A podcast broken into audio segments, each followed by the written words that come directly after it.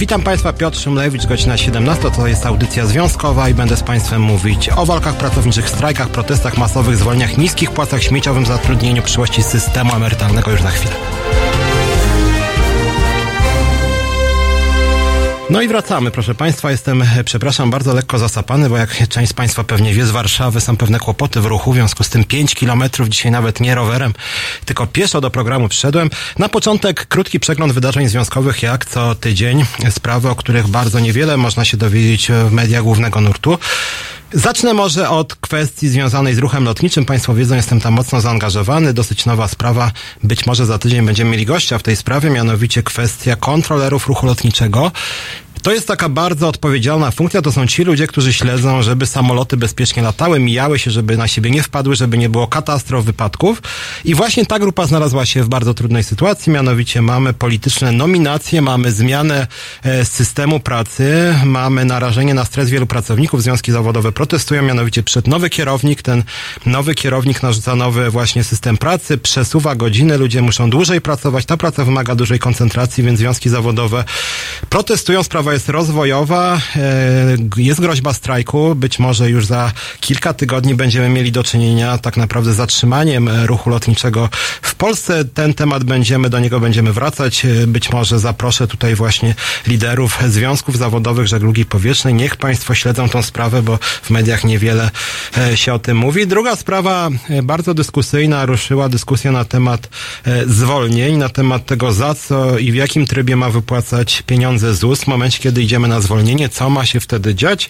I pojawiła się propozycja, e, przynajmniej taka plotka, można powiedzieć na początek, ze strony Ministerstwa Rodziny, Pracy i Polityki Społecznej o tym, żeby zacząć walczyć e, z tymi zwolnieniami, które biorą pracownicy. Chodzi tutaj o to, żeby e, przez pierwsze 90 dni pracy nie było możliwości dłuższego płatnego L4, żeby nie było możliwości wzięcia wolnego właśnie ponad 30 dni. W przypadku własnej działalności gospodarczej ten okres trwałby 180 180 dni. E, druga propozycja to wprowadzenie zasady, zgodnie z którą powstanie prawa do nowego okresu zasiłkowego miałoby nastąpić dopiero po upływie 90 dni od zakończenia poprzedniej niezdolności do pracy. Nie chodziłoby to o anginę, czyli na przykład, nie wiem, 5 dni zwolnienia, ale chodziłoby tu o te zwolnienia ponad 30 dni. E, propozycja spotkała się z bardzo dużą, moim zdaniem, słuszną krytyką, mianowicie są na przykład ludzie, którzy e, mają choroby nowotworowe lub choroby kości, wtedy te zwolnienia mogą być częstsze i długie. W związku z tym rzeczywiście teraz ta propozycja jest e, oprotestowywana. Przy okazji warto może Państwu powiedzieć, bo o tym też się niewiele mówi. E, prześledziłem to, jak dużo jest e, tych kontroli Zakładu Ubezpieczeń Społecznych, jak dużo jest patologii. Prześledziłem ostatnie trzy lata. W 2017 roku ZUS przeprowadził około 500 tysięcy kontroli. Stwierdził nieprawidłowości w 25 tysiącach przypadków, czyli jak Państwo mogą sobie łatwo policzyć, okazało się, że około 5% przypadków było właśnie tych tak zwanych lewych zwolnień. W 2018 roku 496 tysięcy kontroli. Nieprawidłowości stwierdzono w 32 tysiącach przypadków, więc to jest nieco ponad 6%. W pierwszym półroczu 2019 324 tysiące kontroli, czyli skala e, kontroli wzrosła.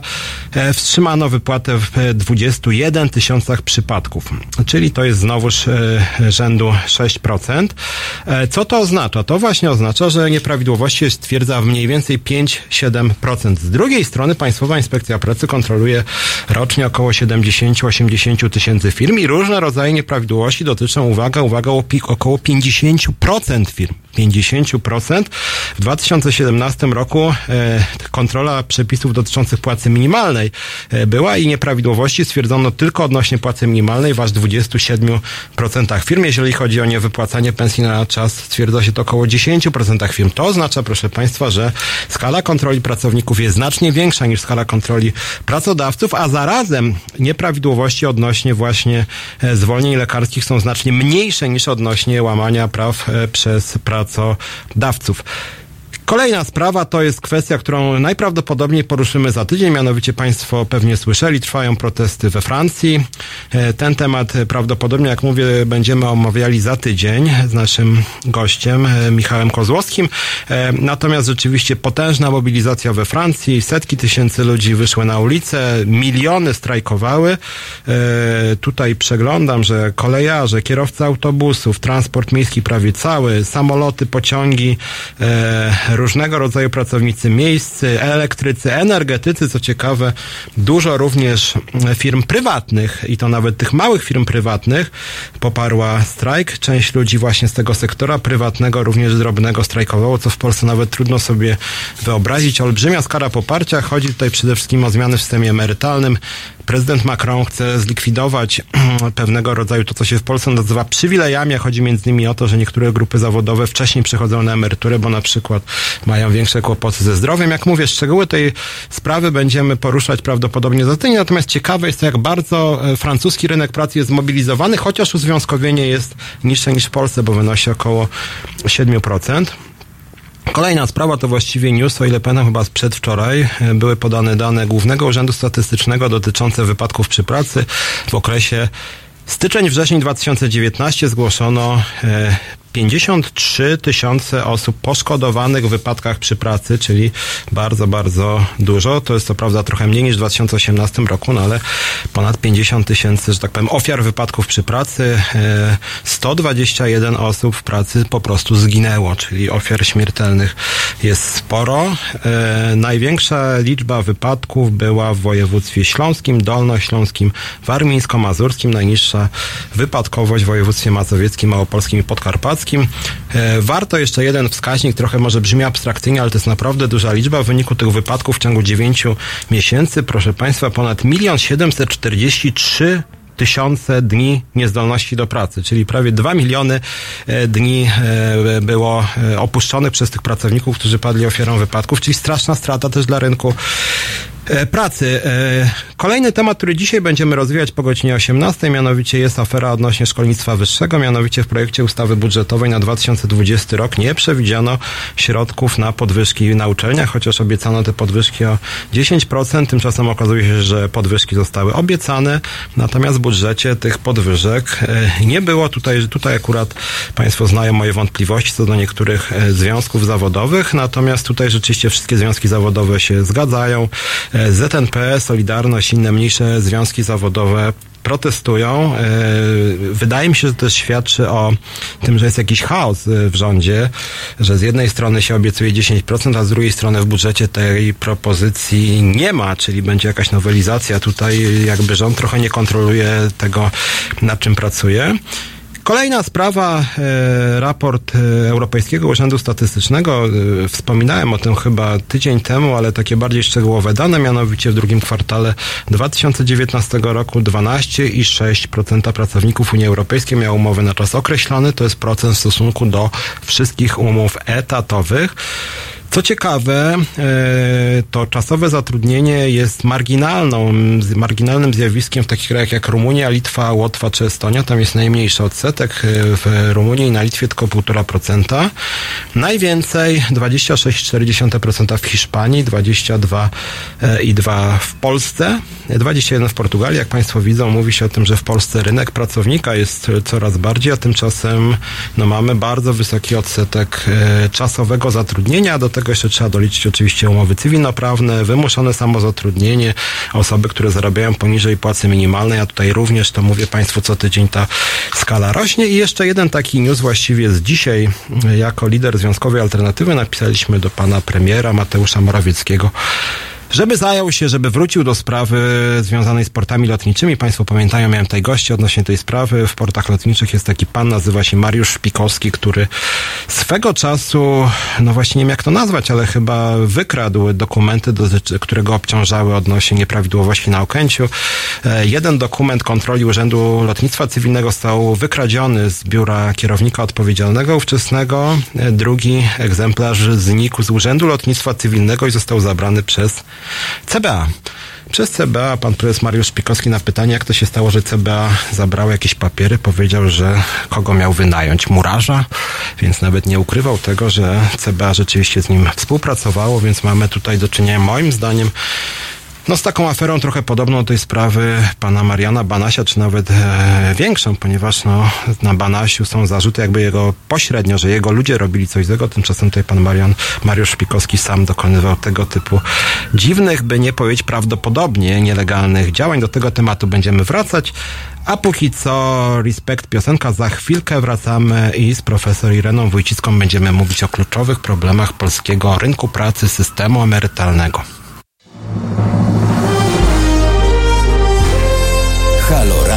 Nazywam się Adam Bodnar, pełnię funkcję Rzecznika Praw Obywatelskich. Zachęcam Państwa do wspierania Halo Radio. To jest pierwsze radio obywatelskie, radio, które istnieje dzięki Państwa wpłatom, dzięki Państwa darowiznom, dzięki Państwa stałym zleceniom. Zachęcam Państwa do przekazania drobnych kwot. Dzięki temu ten projekt będzie mógł się dalej rozwijać. www.halo.radio ukośnik SOS.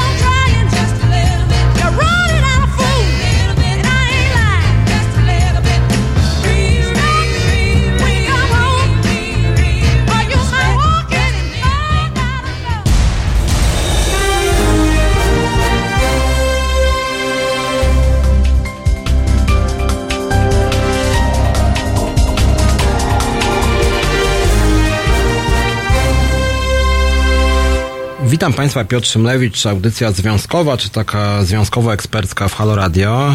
Y, Mamy gościa czy gościnie, Irena Wójcicka, długo by Panią przedstawiać, profesor, y, ekonomistka, ekspertka od polityki społecznej, rynku pracy, systemu emerytalnego. Również ma Pani duże doświadczenie w pracy przy różnych kolejnych rządach, przy Panu prezydencie, nie tym poprzednim, więc Pani tutaj ma dużo doświadczenia odnośnie właśnie polskiej polityki społecznej. Dzień dobry. Dzień dobry, dzień dobry Państwu. E, Jak pani profesor mówiłem, bo rozmawialiśmy trochę przed programem, to jest taka audycja edukacyjna i zawsze to powtarzam, żeby ludziom pokazywać, na czym polega polityka społeczna i co można nią zmieniać. E, Ja bym chciał tak z panią porozmawiać trochę, na ile zdążymy o różnych wyzwaniach polskiej polityki rodzinnej, może wyjść od spraw ogólnych, a później do bardziej szczegółowych, więc na początek sobie pomyślałem na takim ogólnym pytaniem, jakie pani zdaniem jest takie największe wyzwanie obecnie szeroko rozumianej polskiej polityki społecznej? Jakby gdzie jest taki największy brak? Czego pani brakuje?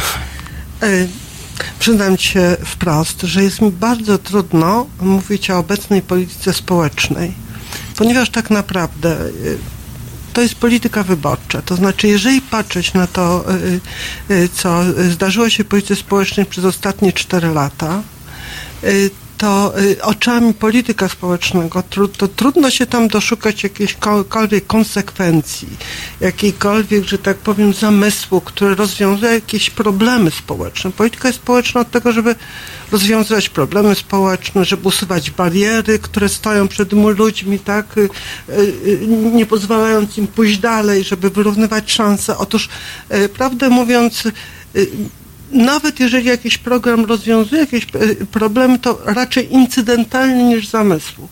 I to, co, I to powoduje, że tak naprawdę jest mi bardzo trudno się do tego odnieść, ponieważ ja mam wrażenie, jak patrzę na różne posunięcia e, tak rządu, to jest e, z punktu widzenia polityka społecznego niesłychanie tworzenie niesłychanej arbitralnej polityki społecznej, czy takiej, w której przypadek, wola rządzącego tworzy jakieś przywileje lub zabiera e, e, i jakby te reguły gry są niejasne, w związku z czym taka relacja obywatel-państwo zamienia się powoli w relację, powiedziałabym, władza i, i poddany, tak? Właśnie dla, przez to, że te reguły gry unika, ulegają destrukcji, są niekonsekwentne i nielogiczne.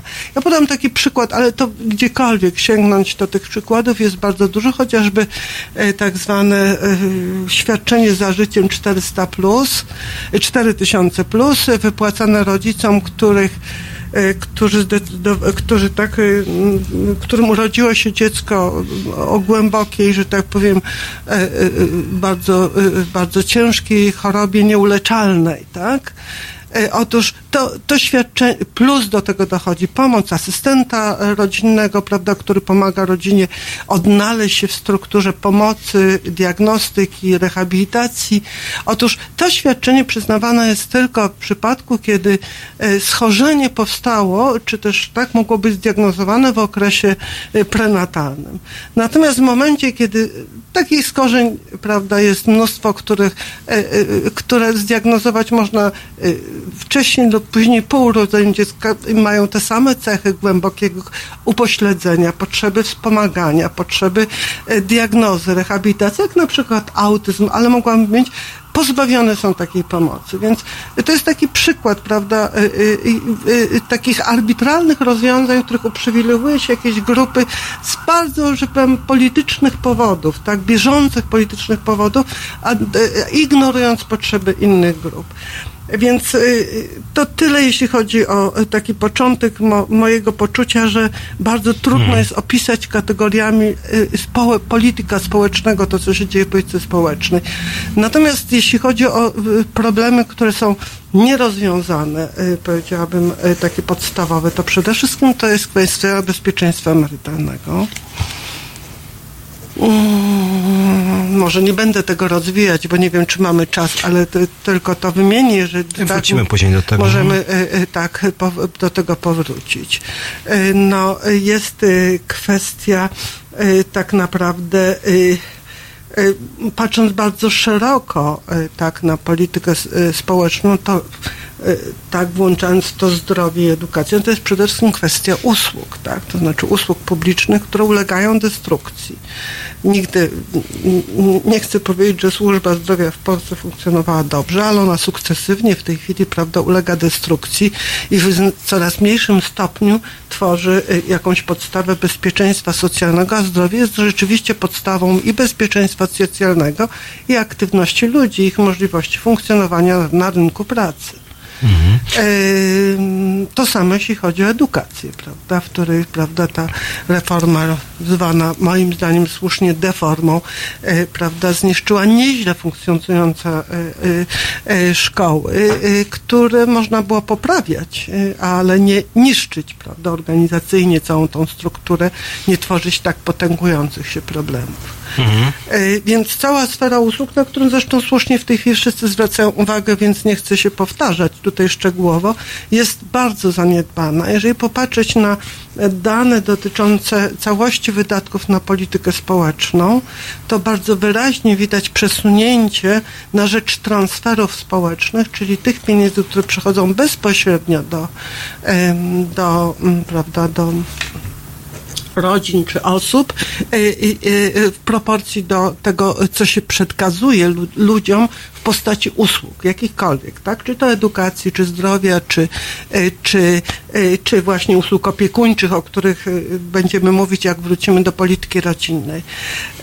I Polska należy do kraju chyba obok Grecji, tak, o tak niskim udziale, to jest, o ile pamiętam, około 20% tego budżetu społecznego wydawane jest na usługi, prawda? I, i to, to przesunięcie nigdy w Polsce nie było dobrze, nigdy te usługi nie były zasilane w odpowiednim, tak, y, powiedziałam, zakresie, natomiast w tej chwili to przesunięcie, y, nastąpiło przesunięcie pogłębiające ten problem. No i oczywiście kierunek wydatkowania potem wpływa na jakość, prawda, i dostępność tych usług. A czy to nie jest trochę tak, że, y, bo jak tak obserwuję tą politykę pisowską, to oczywiście tych arbitralności jest dużo. Tu był między innymi Rafał Bakalarczyk, który od lat mówi o tym, że się różnicuje na przykład opiekunów niepełnosprawnych, którzy nabiorą niepełnosprawności w latach dziecięcych i później.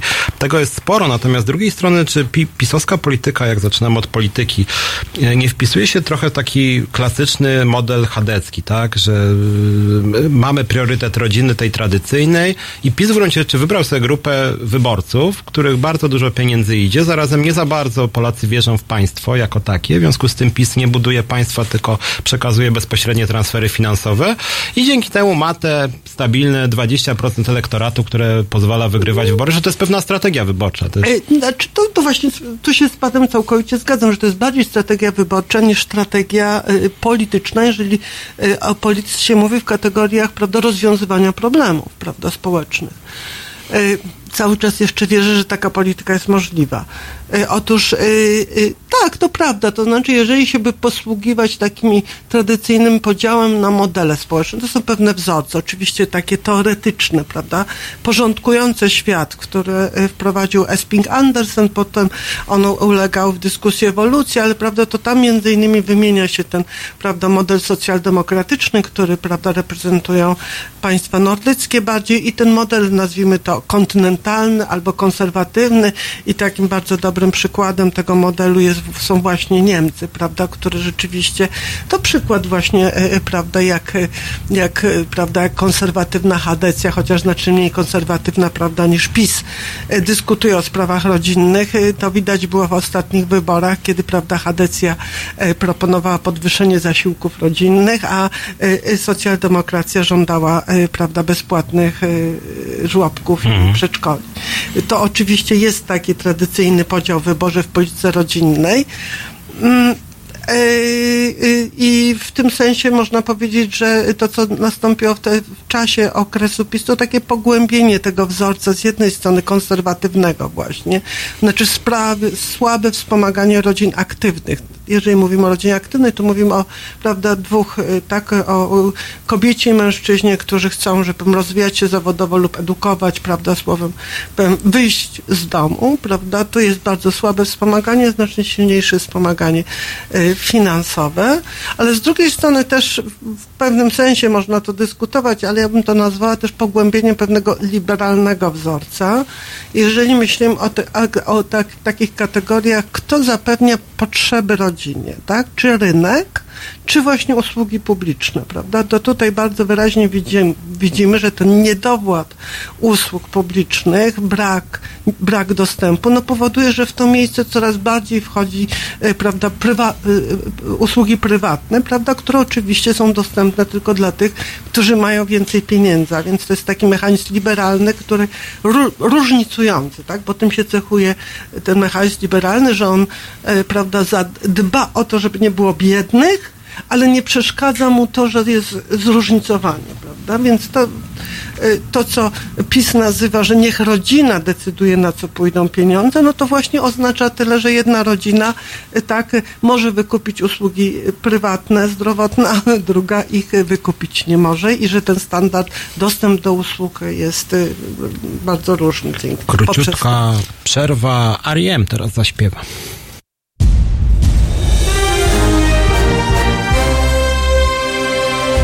Halo Radio emituje swoje programy na żywo codziennie od 7 do 10 i od 15 do 23. W weekendy od 11 do 23. Nocą Halo Radio gra powtórki najciekawszych programów dla naszych rodaków z oceanu. www.halo.radio. Słuchaj na żywo, a potem z podcastów.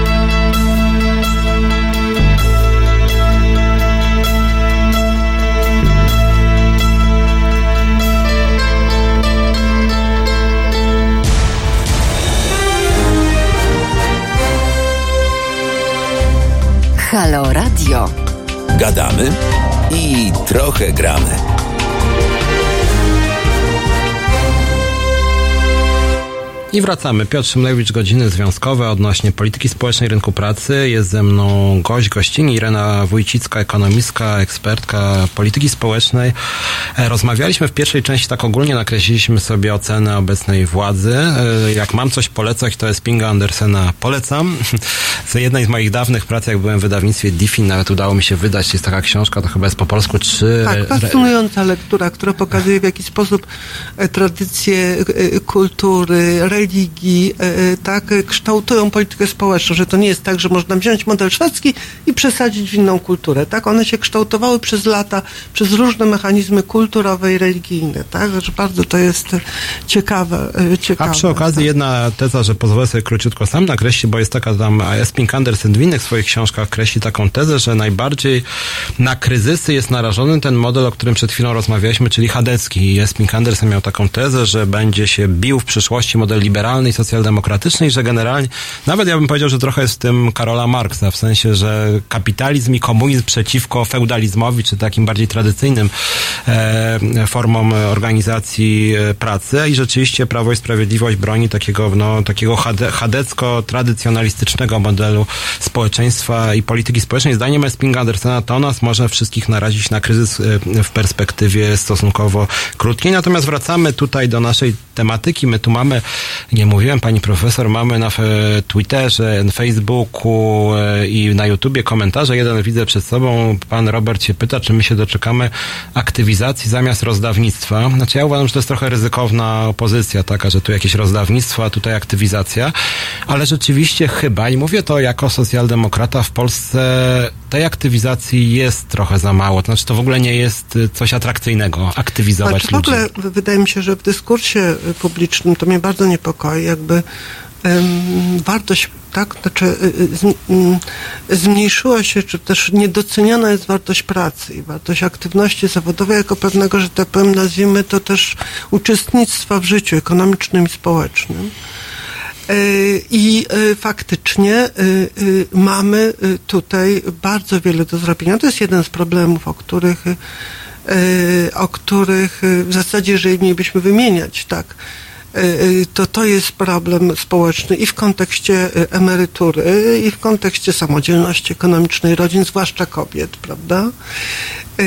No, mamy świetną koniunkturę, tak? Y, y, I oczywiście zatrudnienie rosło, y, natomiast ta skala wzrostu w niektórych grupach nie była, y, nie była, powiedziałbym, porażająca. Cały czas bardzo jesteśmy daleko od, że tak powiem, krajów takich przodujących w Unii, jak na przykład, jak skandynawskie kraje, jeśli chodzi o aktywność zawodową. I takim, y, powiedziałabym, y, bardzo złym sygnałem y, jest spadek aktywności zawodowej osób starszych. Ja chcę przypomnieć, że w zasadzie od 2000 roku to była taki czołowy priorytet wszystkich rządów, tak? Podniesienie aktywności zawodowej, zatrudnienia osób nie starszych w sensie tak po produkcyjnym, ale tych 50 plus były programy, prowadzono reformy systemu emerytalnego po to, żeby e, te osoby zatrzymać na rynku pracy. I w tej chwili e, wskaźniki pokazują no, cofnięcie się tego, e, tego trendu w warunkach świetnej koniunktury gospodarczej. To oczywiście się przenosi równie tylko na sytuację na rynku pracy, ale na perspektywy uzyskania tak zwanej godziwej emerytury. I to wszystko jedno i chciałabym tu może spróbować wyjaśnić słuchaczom, bo to jest bardzo duże e, nieporozumienie wokół tych emerytur. Bez różnicy, jaki system emerytalny byśmy mieli. Czy on byłby bardziej redystrybucyjny, czy mniej, czy to byłby wszyscy, jedna emerytura dla wszystkich w jednej wysokości, czy tak jak w tej chwili emerytura e, bardzo silnie związana z, wys- z wysokością e, tak składek, które zostały wpłacone do systemu, to jedno jest pewne, że przy wydłużaniu się e, trwania e, życia e, te, mamy dwa wyjścia. Albo emerytury muszą spadać, albo my musimy dłużej pracować. Nie ma innego wyjścia i to nie ma takiego, powiedziałam, systemu emerytalnego, który tą prostą regułę by znosił. A to jest ciekawe, że pani na chwilę przerwę, bo ja tutaj jestem jako dziennikarz, ale też jako związkowiec i rozmawiam z moimi związkowcami i oni często też się krzywią, jak chodzi o to podnoszenie wieku emerytalnego. I ciekawe jest to, że właściwie podnoszenie wieku emerytalnego wszędzie tak naprawdę rodzi bunt, poza chyba krajami skandynawskimi, gdzie faktycznie wiek emerytalny jest wysoki i tam nie było chyba specjalnie e, Pan, wielkich protestów. krajami, e, e, nie wiem czy ze wszystkimi, ale w Szwecji to jest w ogóle ciekawostka i właśnie to wracając do Spinga Andersena, jak różnicuje po prostu się jakby postawę ludzi na rynku pracy, też kultura. Tam wiek emerytalny jest elastyczny. Można przejść w wieku 61 lat i 67. Większość przechodzi powyżej 65 lat. U nas wszyscy przechodzili wieku 61, tak? To jest ta różnica stosunku do pracy, oczekiwań, jak ludzie się będą zachowywać, czyli pewnej kultury społecznej, tak? Cała, e, cały system, bo e, jak mówimy o Skandynawii czy o Szwecji, że to jest taki wspaniały system, bo są usługi, bo, e, bo są świadczenia i tak dalej, ale to wszystko się opiera na wysokiej aktywności zawodowej i na, na tym, że de facto dostęp do jakiejkolwiek świadczenia jest uwarunkowany aktywizacją zawodową. Nawet y, kobieta z małym dzieckiem, która zgłasza się do pomocy społecznej, nim dostanie zasiłek, musi się zapisać na kursy, które zwiększają jej szanse zatrudnienia. Tak? Więc to jest zupełnie jakby inna perspektywa, inny mechanizm. I w tym sensie pan, ja nie chcę mówić, poświadczenia są potrzebne, ale brak jest rzeczywiście elementów aktywizujących. I to jest jedna rzecz, to jest oczywiście spadek zatrudnienia, e, czy też aktywności zawodowej, nie zatrudnienia w grupach e, starszych wiekowo, ale również e, jak popatrzymy na, na Polaków e, i innych, e, inne narody spośród członków, e, krajów członków Unii Europejskiej, to okazuje się, że my jesteśmy w tej dolnej stawce krajów, jeżeli, jeżeli mówimy o, e, o, o tym, jaka część naszego życia poświęcona jest pracy. Czyli jakby, jeżeli tak ży, żyjemy przeciętnie tam, tak, 80 lat, to, e, a inni żyją dłużej, tak, ale to wszystko jedno. Nasza, my poświęcamy na pracę e, relatywnie mało, zwłaszcza kobiety, e, ale również mężczyźni. Czyli to jest również kwestia chodzenia późnego na rynek pracy, ale również wczesnej dezaktywizacji, często, czy też dezaktywizacji w środku życia, często związanej z tym, o czym mówimy, z brakiem usług tak? Bo to jest dezaktywizacja związana z opieką nad osobami niepełnosprawnymi, bo to jest, które w ogóle, co jest paradoksalne, e, prawda, to świadczenie pielęgnacyjne dla opiekunów, tak, dzieci, osób niepełnosprawnych, których e, niepełnosprawność powstała w dzieciństwie, wypłacane jest tylko wtedy, kiedy ktoś zrezygnuje z pracy, nie? tak? Czyli tak, jest to jedyne świadczenie poza zasiłkiem dla bezrobotnych, gdzie, żeby pobierać, nie, nie można pracować, tak? Taki paradoks. No więc, y, więc, więc y, jak mówię, y, brak różnego typu usług wspierających opiekunów osób niepełnosprawnych, wspierających matki, które tak wychowują małe dziecko, bo co prawda liczba żłobków się powiększyła, ale nadal, y, o ile pamiętam z ostatnich badań w 2018 roku, y, GUS-u, to są takie europejskie badania, 400 tysięcy y, osób potwierdziło, że nie korzysta z y, żłobków lub przedszkoli, ponieważ są one niedostępne, za drogie lub złej jakości. To jest bardzo duża grupa osób, prawda? 400 tysięcy to już jest coś. Mamy y, tak, to samo jeśli chodzi o różne usługi wspierające tak opiekunów osób tak starszych, które wymagają tak opieki i tak dalej. Więc brak tego typu usług oczywiście jest związany, czy też wpływa na dezaktywizację. Po drugie, zdrowie. Nie mamy wcale dobrej kondycji zdrowotnej, to jest prawda, a pogłębiające się ru- trudności w zakupie leków, tak, w dostępie do lekarza, no na pewno temu zjawisku y, nie pomagają. Więc y, wyjściem z tego, y, z tego problemu nie da się wyjść z tego problemu takimi prostymi środkami, że jak damy ludziom mniej pieniędzy, to oni czują, będą się czuli zmuszeni do pójść do pracy, bo oni często mają bariery, których nie są w stanie przekroczyć, żeby tę aktywność zawodową rozpocząć i to rzeczywiście wymaga porządnych nakładów, ale to się opłaca. To się opłaca, podnosi jakość życia, podnosi tak samodzielność ekonomiczną, no podnosi dobrobyt w kraju. Tak, czyli nie chodzi o to, żeby to rozdawnictwo ograniczyć tak zwane, które nie jest też aż tak wielkie na tle krajów zachodnich, ale przede wszystkim zwiększyć No jest, aktywizację. jeżeli popatrzymy Znaczy na budżet do- społeczny nasz, to jest ono bardzo duże, Mhm. tak, w relacji do tego, co wydajemy. A my wydajemy w ogóle na politykę społeczną, tak jak na poziomie przeciętnego kraja unijnego. Wcale nie jesteśmy, Mhm. są kraje, które są pod tym względem bardziej oszczędne, więc to nie jest tak, że, e, że, że, że wydajemy mało, tylko wydajemy bardzo, tak jak przez całe lata był taki problem, że wydawaliśmy bardzo dużo na osoby starsze, bo tak, system emerytalny, rentowy pochłaniał bardzo dużo pieniędzy. E, Związane to było z wczesnym emerytowaniem i tak dalej. Tak teraz problemem jest wydawa- te proporcje e, tak, pomiędzy jednym a drugim. Znaczy, oczywiście, jeżeli budżet byłby rozciągalny, to nie ma co, prawda, to... Natomiast faktem jest, że mamy bardzo mało pieniędzy alokowanych w to, e, co buduje szanse na większą aktywność zawodową Polaków i na lepszą jakość życia. No niestety tak właśnie. Za chwileczkę wracamy, a teraz Guns N' Roses.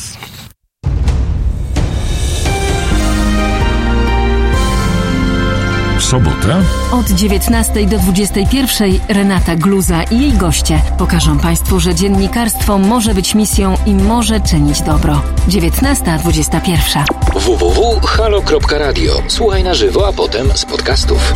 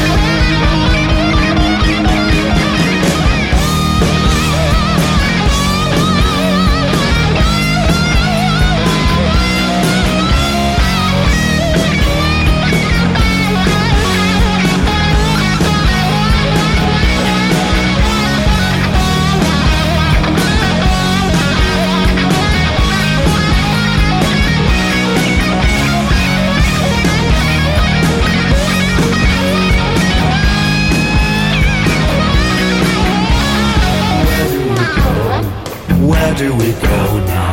Where do we go?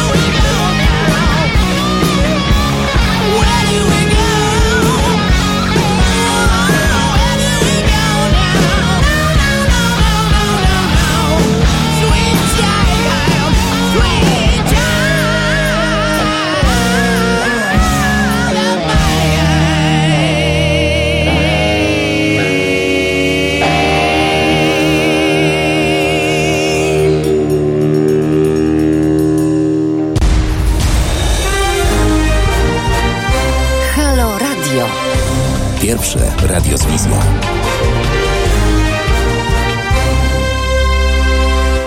Piotr Szymlewicz, wracamy. Godziny związkowe. W przerwie trochę rozmawialiśmy o kondycji związków zawodowych. Może że kiedyś sobie dłużej tu porozmawiamy i zrobimy oddzielny temat, jaka jest kondycja w Polsce ruchu związkowego, ruchu pracowniczego. Mówiłem Państwu we Francji uzwiązkowienie 7%, a po prostu kraj stanął e, i setki tysięcy ludzi strajkują, pomimo, że związki, jak chodzi o uzwiązkowienie, jest, są dosyć słabe, jak chodzi o ich uprawnienia, są znacznie mocniejsze niż w Polsce.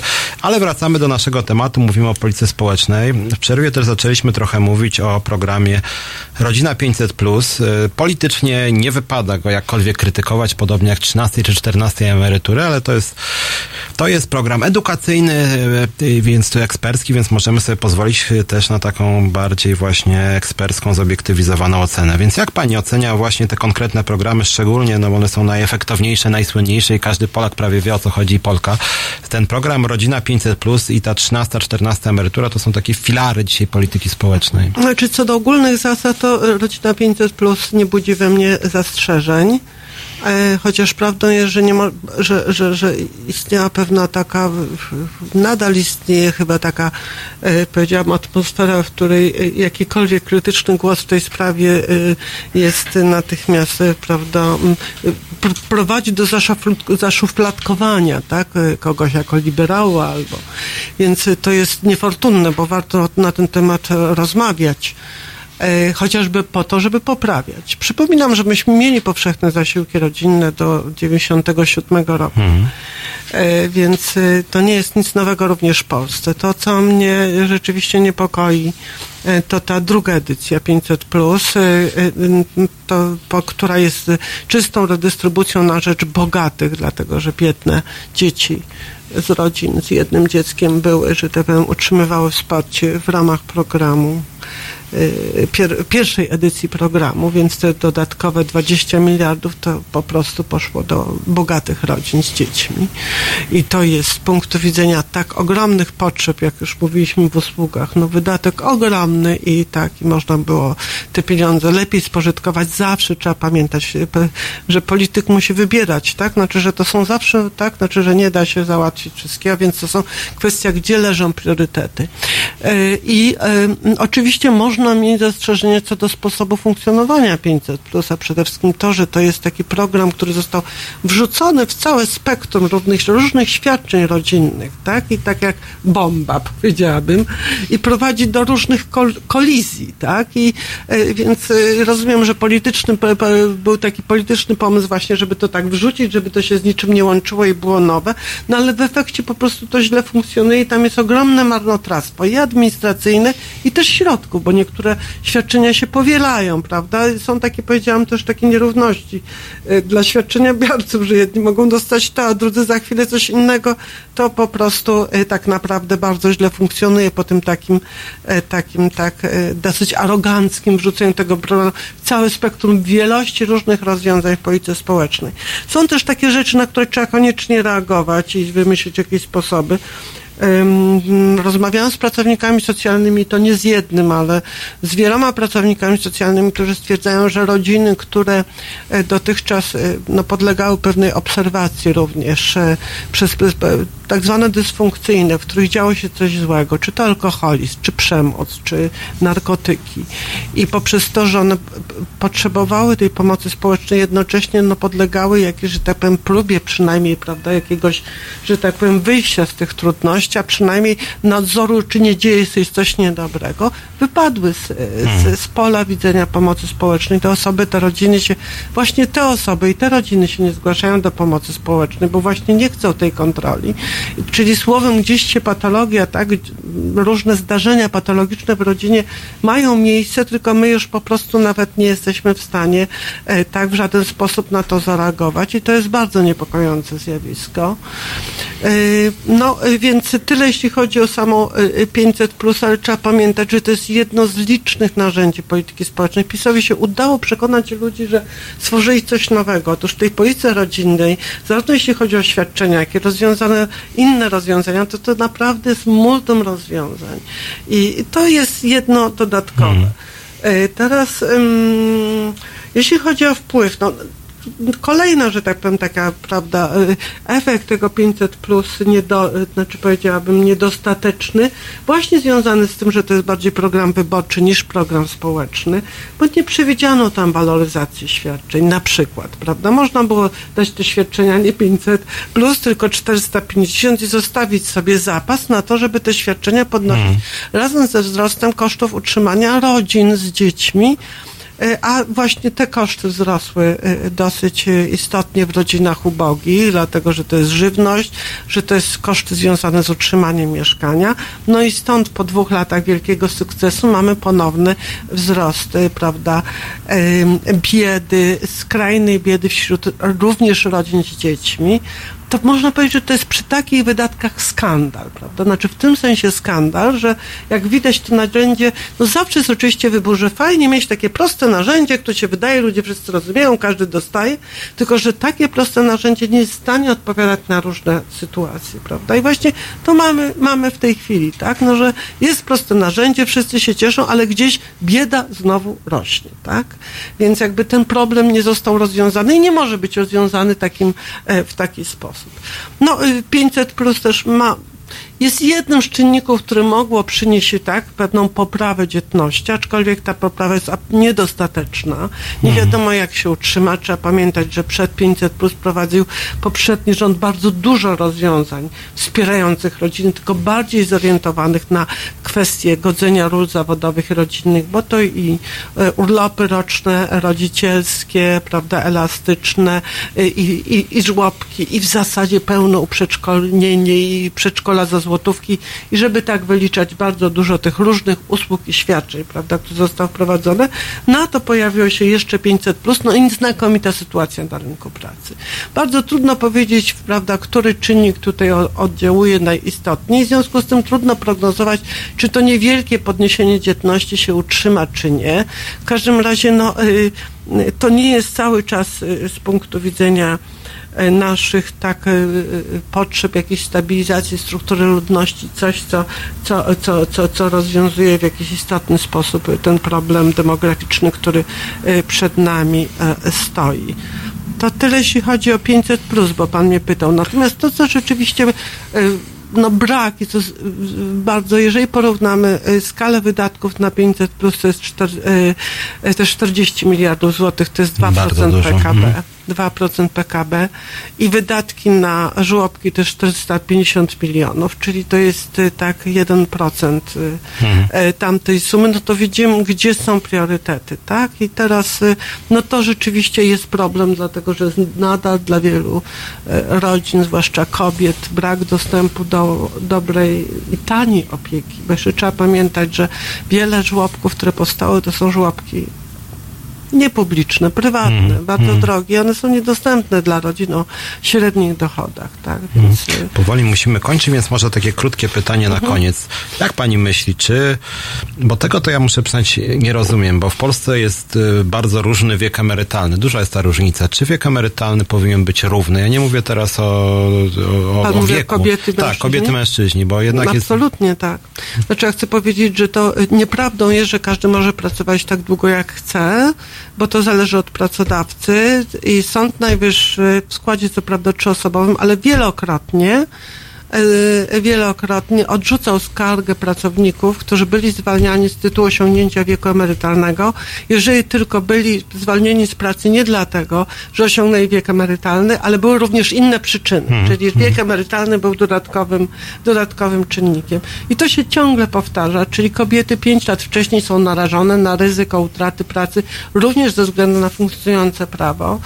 I, e, i, e, i, i powrót do wyrównania wieku emerytalnego moim zdaniem jest jedną, no, musi podlegać dyskusji, można to w różny sposób uelastyczniać, stworzyć różne ścieżki, prawda, dla szczególnych sytuacji, natomiast inaczej kobiety naprawdę w przyszłości 40-latki nie będą miały emerytury, z której można przeżyć. Będziemy do tego wracać i my w związkach zawodowych też będziemy o tym rozmawiać. Bardzo pani profesor dziękuję za wizytę. Dziękuję bardzo.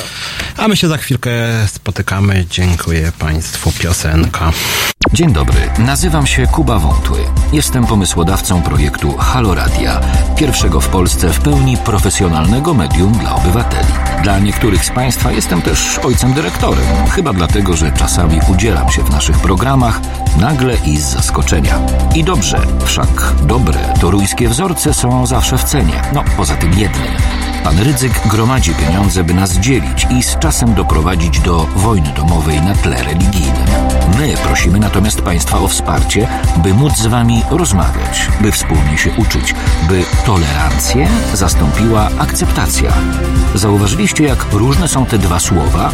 Akceptujmy siebie i akceptujmy to, że po 30 latach, od 1989 roku, tylko dzięki państwu możemy tworzyć medium bez udziału polityków i nie na pasku korporacji.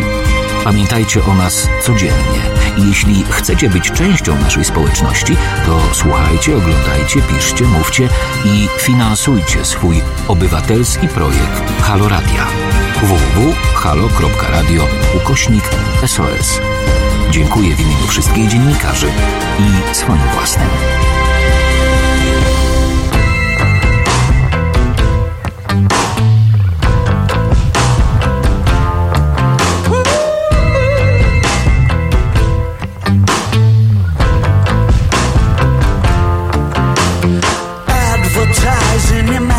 Imaginative ways. Start your free trial today. Come on in the waters, lovely look. You could meet someone you like. In the meat of your strike. It is that easy. Lunar surface on a Saturday night. Dressed up in silver and white with colored old gray whistle test lights. Take it easy for a little while. Come and stay with us. It's such an easy flight. Since the Exodus. It's all getting gentrified. I put a taqueria on the roof. It was well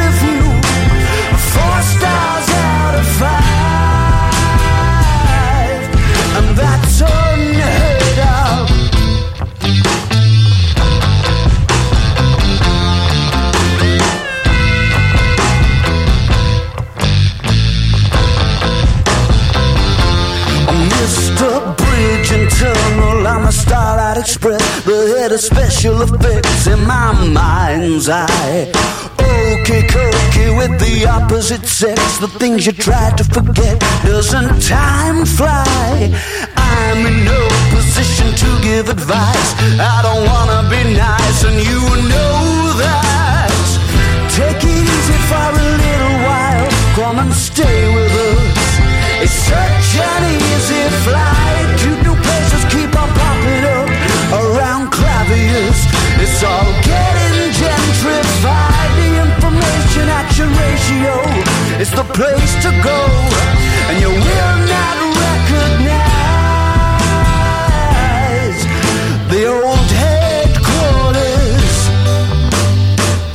All the nights that never happened, and the days that don't exist. At the information action ratio.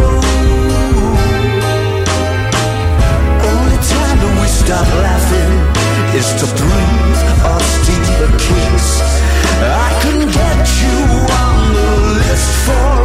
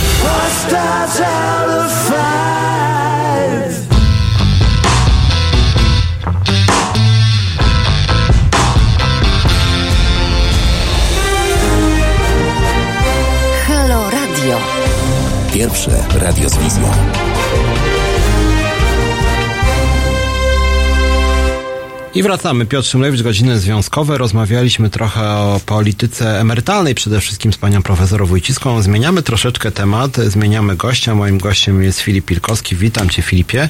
Witam. E, Fili- z Filipem się dobrze znam, bo byliśmy na wielu, wielu demonstracjach. Filip jest wykładowcą akademickim, jest związkowcem, jest działaczem, jest organizatorem mnóstwa pikiet. Jest, bym powiedział, takim człowiekiem, który... E, mało jest takich ludzi w Polsce, którzy są moim zdaniem takim trochę e, testerem dla polityków, tak? Bo oni cały czas naciskają i sprawdzają, czy ci politycy robią na przykład to, co obiecali. No, zazwyczaj robią coś innego. E, więc chciałoby się, żeby trochę takich ludzi też może było w parlamencie, ale z drugiej strony tacy ludzie być może robią dobrą robotę poza parlamentem. Ja też staram się taką robotę czasem e, robić, również tym programem, żebyśmy właśnie tych polityków jakoś tam sprawdzali. Natomiast e, tutaj zapraszam Cię tak jako aktywistę, jako wykładowcę, jako związkowca, bo jesteś też wykładowcą i nawet jesteś w Związku Nauczycielstwa Polskiego na uczelni na Uniwersytecie Warszawskim. I chciałem generalnie rzecz biorąc, tak jak Ci mówiłem, to jest program edukacyjny, porozmawiać z Tobą na początek, jak wygląda sytuacja pracowników uczelni, jak to wygląda. Ja pamiętam, jak była dyskusja wokół e, reformy szkolnictwa wyższego ministra Gowina. Wtedy pamiętam, ZNP było trochę podzielone. Ty byłeś krytyczny wobec tej reformy, ja zresztą też. E, Jak byś ocenił, bo to jest dosyć abstrakcyjna problematyka dla części naszych słuchaczy, ludzi spoza szkolnictwa wyższego, ale tak ogólnie, jak z perspektywy czasu oceniasz pod kątem sytuacji właśnie pracowników i pracownic szkolnictwa wyższego z tą reformą Gowina? Czy coś się w ogóle zmieniło na tej polskiej uczelni od tamtego czasu? No, to dość oczywiście złożony problem, bo z jednej strony wiele się zmieniło, z drugiej strony mamy te same tendencje, które no już od lat, przynajmniej, przynajmniej w tej dekadzie yy, istnieją i to jest po prostu ich nasilenie. Natomiast oczywiście no, problem, jest, y, problem jest duży, jeżeli mówimy o samych pracownikach y, szkolnictwa wyższego i nauki. Pierwsza rzecz, no bardzo różni ludzie pracują w szkolnictwie wyższym i nauki, na uczelniach, y, chociażby na, na moim uniwersytecie, Uniwersytecie Warszawskim.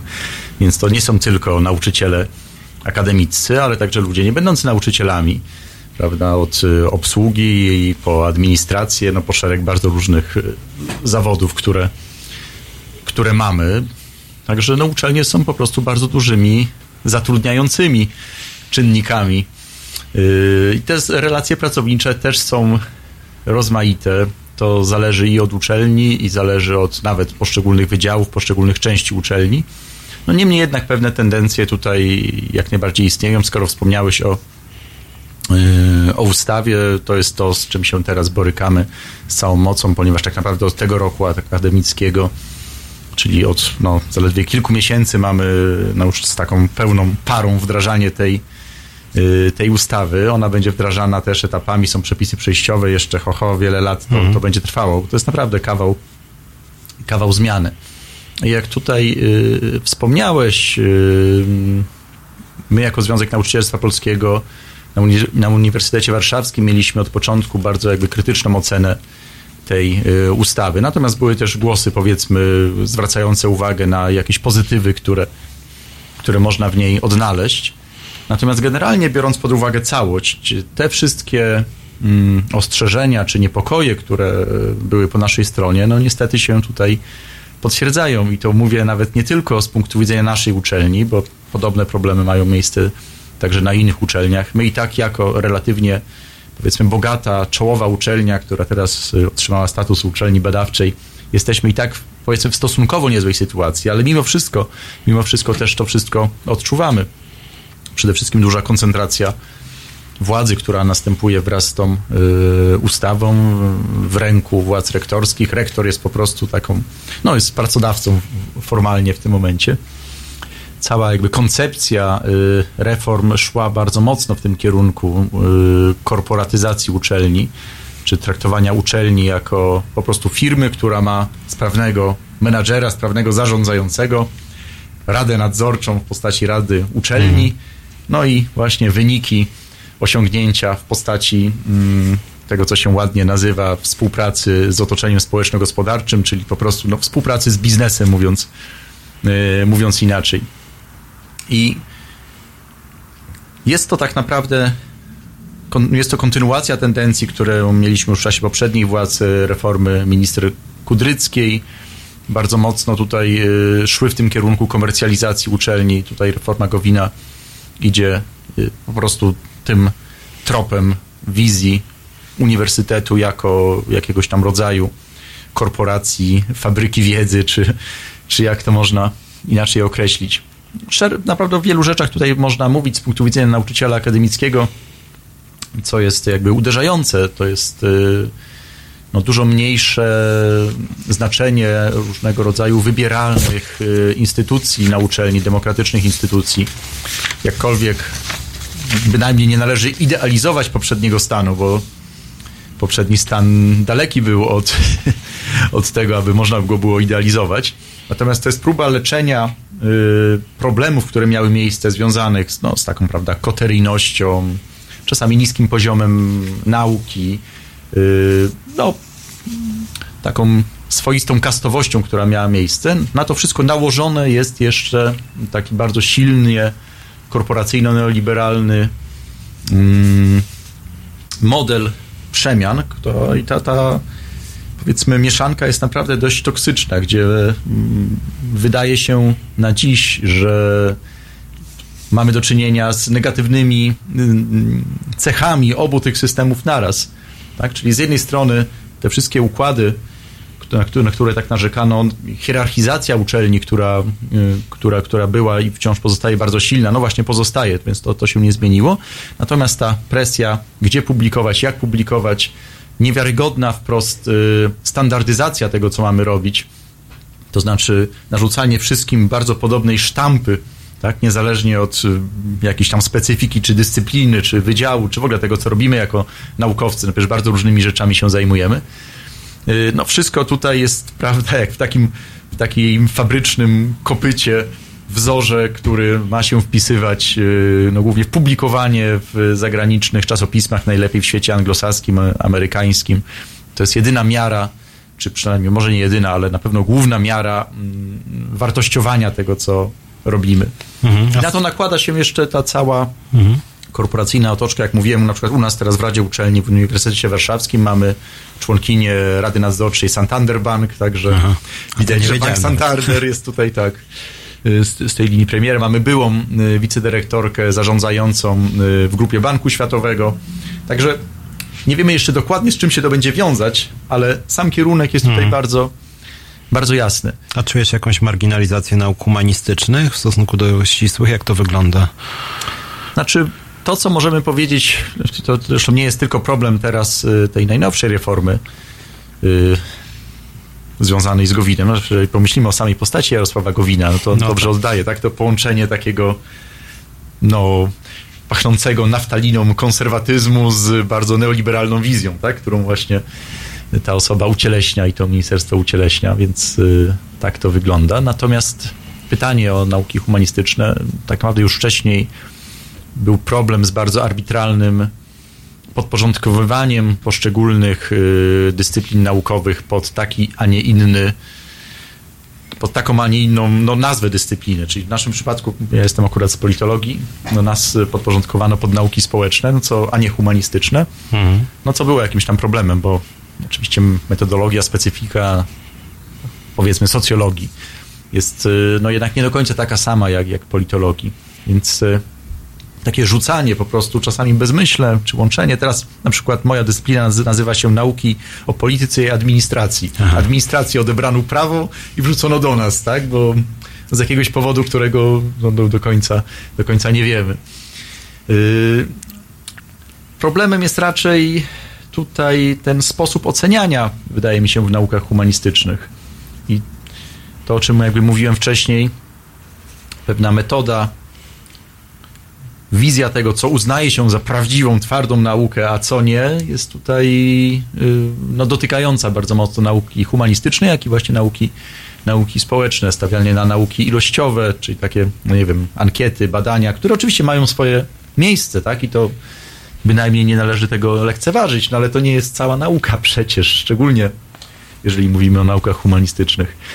Y, Też oczywiście w naukach społecznych jest podobnie. Jest to Mhm. jakiś model też, który głównie mm, zakorzenił się w świecie anglosaskim i to szczególnie w Stanach Zjednoczonych, nawet Wielka Brytania była tutaj później, już dostosowywała się niejako do tego wzorca amerykańskiego, co się uznaje za taką rzeczywistą naukę.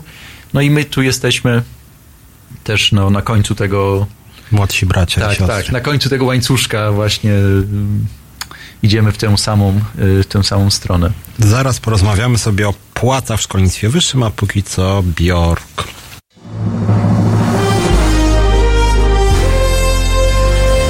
To proste. Żeby robić medium prawdziwie obywatelskie, potrzebujemy Państwa stałego wsparcia finansowego. Szczegóły na naszej stronie www.halo.radio, w mobilnej aplikacji na Androida i iOS-a oraz na koncie Fundacji Obywatelskiej w serwisie www.patronite.pl. Naszym darczyniom i darczyńcom serdecznie dziękujemy. www.halo.radio. Słuchaj na żywo, a potem z podcastów.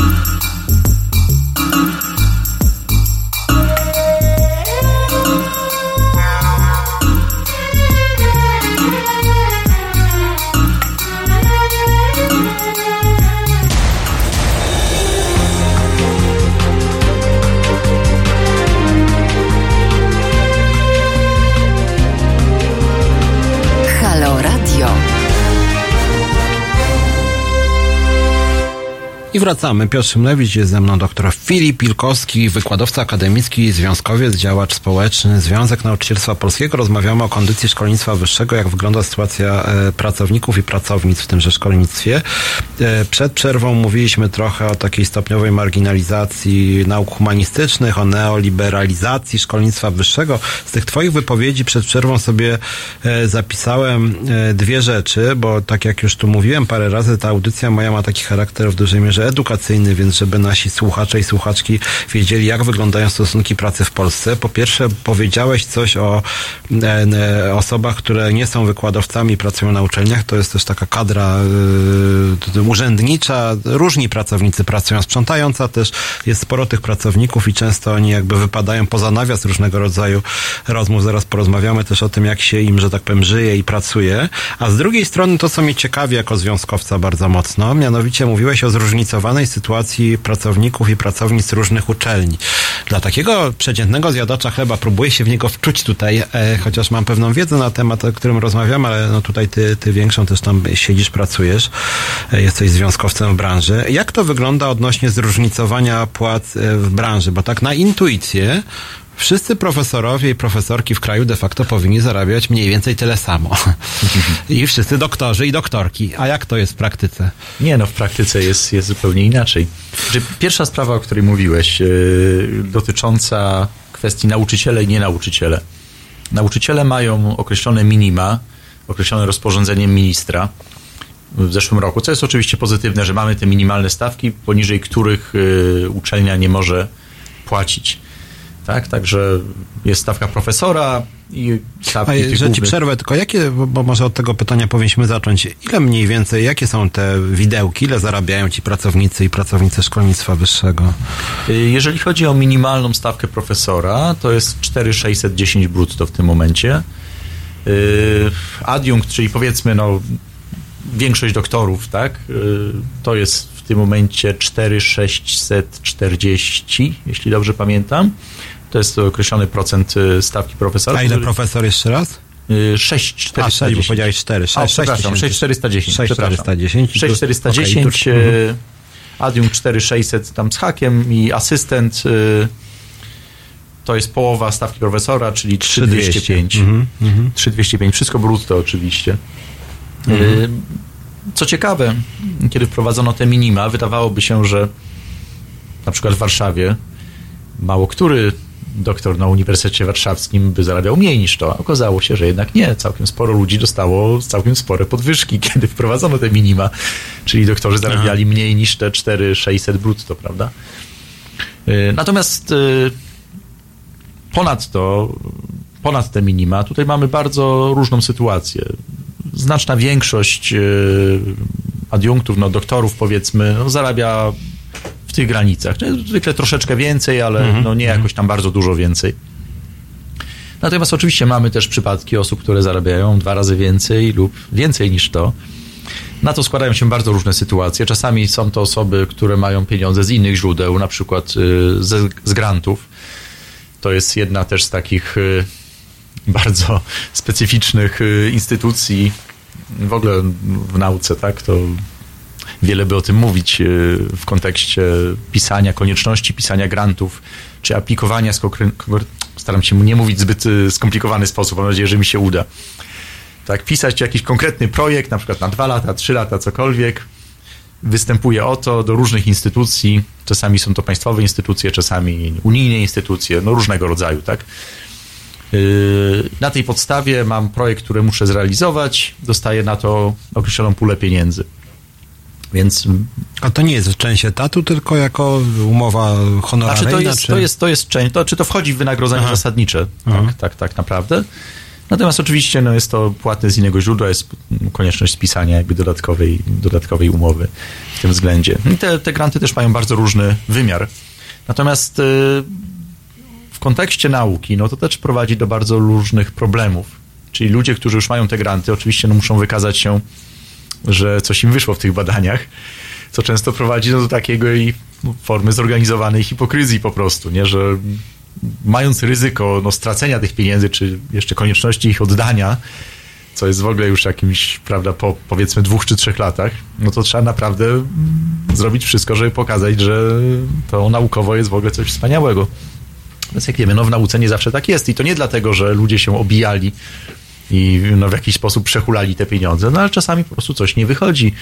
Pierwotne, szczególnie to mówię o takich naukach eksperymentalnych, no to jest, to jest nagminne, że no, pierwotne założenia trzeba było jakoś skorygować, no różne problemy w badaniach, błędy, no bardzo wiele rzeczy w to wchodzi. Natomiast no generalnie dobrze wykazywać, że jednak no, idzie do przodu, a nie do tyłu, więc mamy całą taką nadbudowaną strukturę mm, no, wyników badań, które nie są po prostu do końca wiarygodne i nawet nie wiemy tak naprawdę w jakim stopniu nie są, nie są wiarygodne. A jak mówimy Także- już o tych grantach, jeszcze się dopytam, to y, czy nie jest trochę tak, że y, powstała jakaś taka kasta tych grantobiorców, którzy dostają raz grant i później już dostają wszystkie kolejne granty. Jest taka grupa, jakby, że tak powiem, jakby TVP Mhm, chciało zaatakować pracowników szkolnictwa wyższego, to by pokazało, że ktoś zarabia, nie wiem, 35 tysięcy miesięcznie, tak? I jest właśnie... No tak, tak. No bo no, mogłoby TVP znaleźć taką grupę oczywiście, że zarabia jakieś takie niebotyczne kwoty. Natomiast oczywiście no, sprawa jest bardziej złożona, jak to w tych sprawach. Wiele ludzi, którzy otrzymuje granty, naprawdę ciężko na tych grantach tyra i pisze te granty nie dlatego, że jakoś bardzo chce i to jest takie słodkie życie, tylko przeciwnie, no jest pod stałą presją od grantu do grantu i to naprawdę jest bardzo trudne w kontekście no, jakiejś tam jakości pracy i poczucia bezpieczeństwa socjalnego w pracy naukowca, no, które jest jednak bardzo ważne, żeby robić naukę, no nie można mieć bata nad sobą. No tak to nie działa po prostu w dłuższej, w dłuższej są- perspektywie. Natomiast oczywiście też mamy to, o czym mówisz, tak? Mamy jakąś grupę ludzi, którzy z różnych powodów jakoś na tyle są ustawieni, że te granty dostają, a później no, niekoniecznie wiele muszą w tych grantach robić, tylko pracują w jakichś grupach jako liderzy tych grantów i no, spijają śmietankę, nazwijmy to tak. Więc oczywiście są też takie sytuacje. Tak? Sytuacje są bardzo różne. A jaka jest proporcja między tymi grantami i pensjami? Czy to jakoś się zmienia, że ta grantoza, że tak powiem, jakoś to wzrasta, że na przykład ministerstwo jakby coraz mniejszy procent wynagrodzenia stanowią pensje zasadnicze, a coraz większą granty, czy to jest jakiś taki status quo od iluś tam Znaczy na pewno, jeżeli weźmiemy pod uwagę no, okres y, ostatniej dekady, no to tutaj ten wzro- wzrost na pewno ma miejsce. Trudno mi powiedzieć, jak to wygląda ostatnie, przez ostatnie dwa czy trzy lata, tak, bo to, tego, tego nie wiem. Natomiast ta presja jak najbardziej istnieje, nie? I to też w kontekście awansu naukowego, na przykład teraz, jeżeli chciałbyś zostać profesorem, nawet profesorem uczelni w przypadku naszej uczelni, nie zostaniesz profesorem, choćbyś pisał najcudowniejsze dzieła naukowe, przełomowe, jeżeli nie masz grantu. Tak, że to, to jest taki warunek konieczny po prostu. To nawet w dodatku musisz kierować grantem, żeby być profesorem UW. Nie wystarczy być w jakimś tam grancie jako uczestnik. Także no, ta presja, jak mówię, jak najbardziej ma tutaj miejsce. Natomiast wracając do kwestii zatrudnienia i tych różnic, mm, pracownicy będący nauczycielami mają przynajmniej te minima, co jest pozytywną jak najbardziej cechą, bo przynajmniej od czegoś startujemy w jakichś tam dalszych negocjacjach. Natomiast pracownicy nie będący nauczycielami nie mają teraz y, minimów, y, powiedzmy, ustalanych przez ministerstwo. Minima ustalają wszystkie uczelnie poprzez negocjacje regulaminów wynagradzania. My też teraz ne- negocjujemy regulamin wynagradzania na naszej uczelni w Uniwersytecie Warszawskim, no ale to jest też y, wynika, wynika z ustawy, że regulaminy pra, pracy i wynagradzania muszą być ustalone ze związkami zawodowymi, więc te procesy negocjacji mają miejsce. No i oczywiście jakie tam minima się ustali, jak to wszystko będzie wyglądać, no jest tutaj bardzo różnie. To wygląda na różnych uczelniach, których kondycja finansowa jest rozmaita. Yy, No i tutaj nie, nie tylko powiedzmy siła przetargowa związków ma znaczenie, ale no też prawda, pozycja władz rektorskich, na ile władze rektorskie mm, chcą w ogóle dowartościować tę grupę. No i sama pozycja finansowa uczelni. A generalnie to, co też wprowadziła ta ustawa, no to zwiększoną rywalizację między uczelniami. Status właśnie chociażby uczelni badawczej w naszym przypadku, tak, co zwiąże się z 10% dodatkowych środków, więc tutaj jest ta konkurencja, kto kogo niejako z tej ograniczonej kołdry yy, jakoś no, wykopsa na zewnątrz, yy, a samemu wejdzie nieco, nieco głębiej. Także jednym z też no, ewidentnych problemów jest, y, jak mówię, ta, ta zwiększona rywalizacja i polityka ministerstwa, która mówi, że negocjujcie z rektorami. To jest wasz pracodawca, ma Mhm. dużą władzę, proszę. To jest to, to, co się działo kiedyś w ochronie zdrowia. Nie wiem, czy tutaj Mhm, nasi słuchacze pewnie pamiętają, tak, że kiedy pielęgniarki strajkowały, ministerstwo mówiło, nie, my nie mamy nic do tego, idźcie do dyrektorów szpitali. To jest dokładnie ta sama taktyka. Tak? Mimo, że znaczna większość oczywiście środków na publiczne szkolnictwo wyższe no, pochodzi, pochodzi po prostu z subwencji, pochodzi ze źródeł y, budżetowych, natomiast cała taktyka władz jest taka, że związki powinny właśnie negocjować z rektorami, a ministerstwo może być takim ewentualnie dobrym panem, rozjemcą, który tam coś może doradzić, jak to lepiej zrobić, żeby was tam rektor nie oszukał, czy, czy cokolwiek w tym względzie. No co oczywiście jest jakimś rodzajem triku, na który nie możemy się nabrać, bo wiemy skąd te pieniądze pochodzą, no i gdzie niezależnie od oczywiście konieczności naszej niezależności od władz rektorskich i no, próby jak najlepszego ustalenia tych y, relacji pracowniczych na samych uczelniach, co, co musimy jako związki robić, no ale ministerstwo nie jest tutaj żadnym dobrym wujkiem i w takie rzeczy na pewno się nie wpuścimy. Zaraz wrócimy do sytuacji w szkolnictwie, a teraz krótka przerwa na piosenkę Van Morrison. Halo Radio. Nazywam się Adam Bodnar, pełnię funkcję Rzecznika Praw Obywatelskich. Szanowni Państwo, zachęcam Państwa do wspierania Halo Radio. Każda złotówka się liczy, każda wpłata, darowizna, stałe zlecenie na koncie. Ja również co miesiąc wspieram Halo Radio. Zachęcam Państwa również do tego samego. www.halo.radio ukośnik SOS.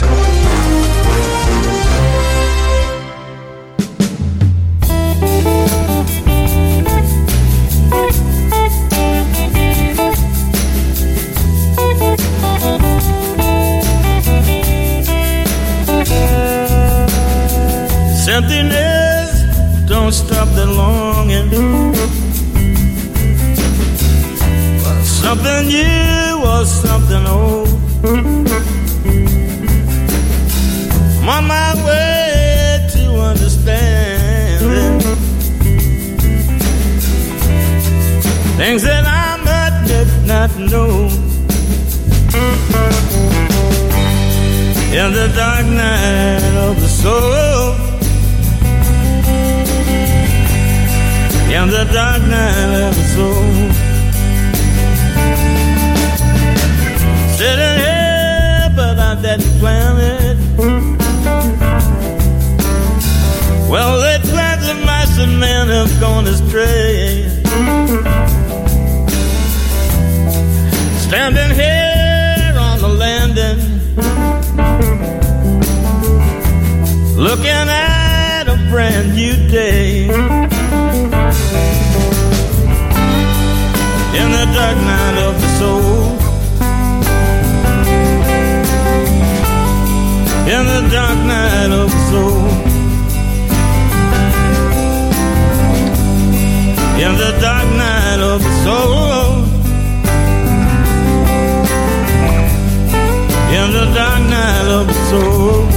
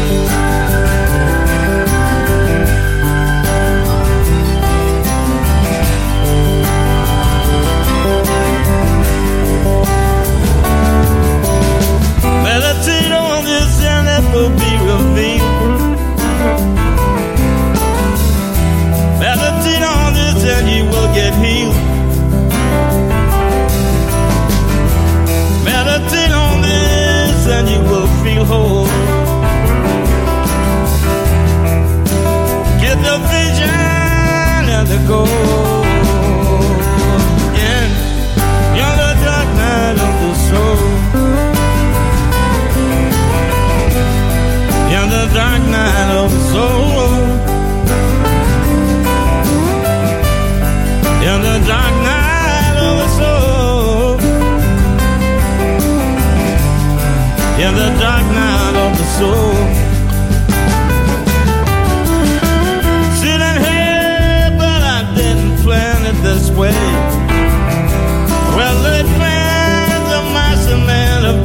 Astray.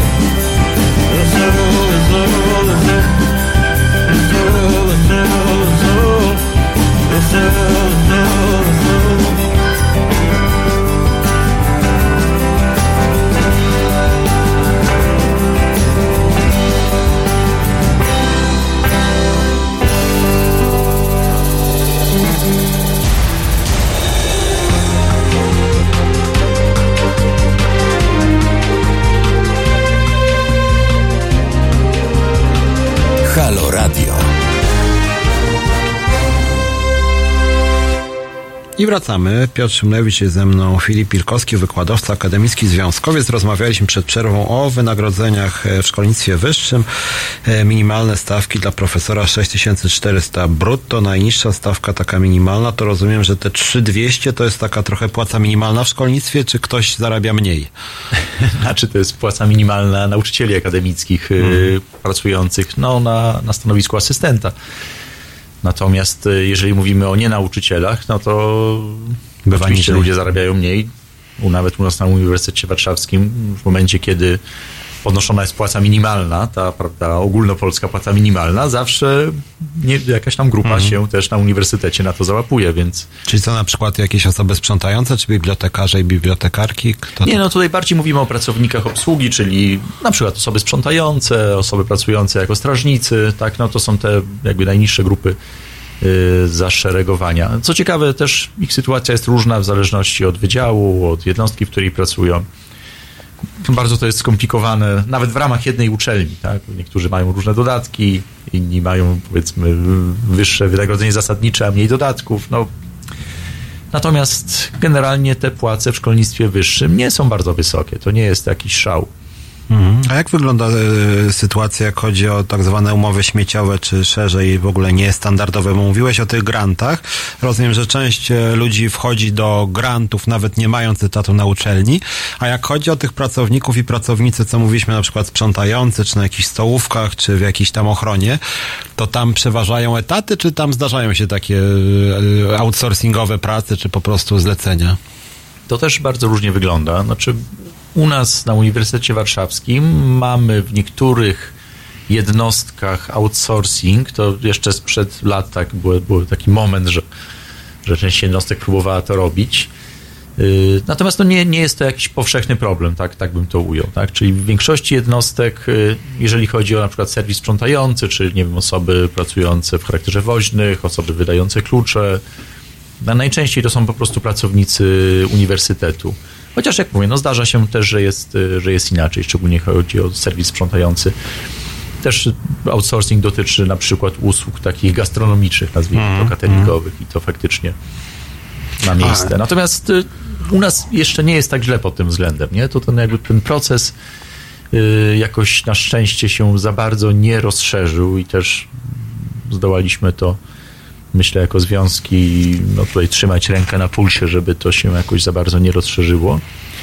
No ale na innych uczelniach z tego, z tego, z tego co wiem, no mamy więcej outsourcingu ni- niż u nas, nie? I były te kwestie właśnie, no, szczególnie jeżeli chodzi o serwis sprzątający, pomysły różnych jednostek, że może właśnie taniej, a przede wszystkim nie trzeba, prawda, tutaj brać odpowiedzialności za to, w jakich warunkach ludzie pracują i cokolwiek się z tym wiąże.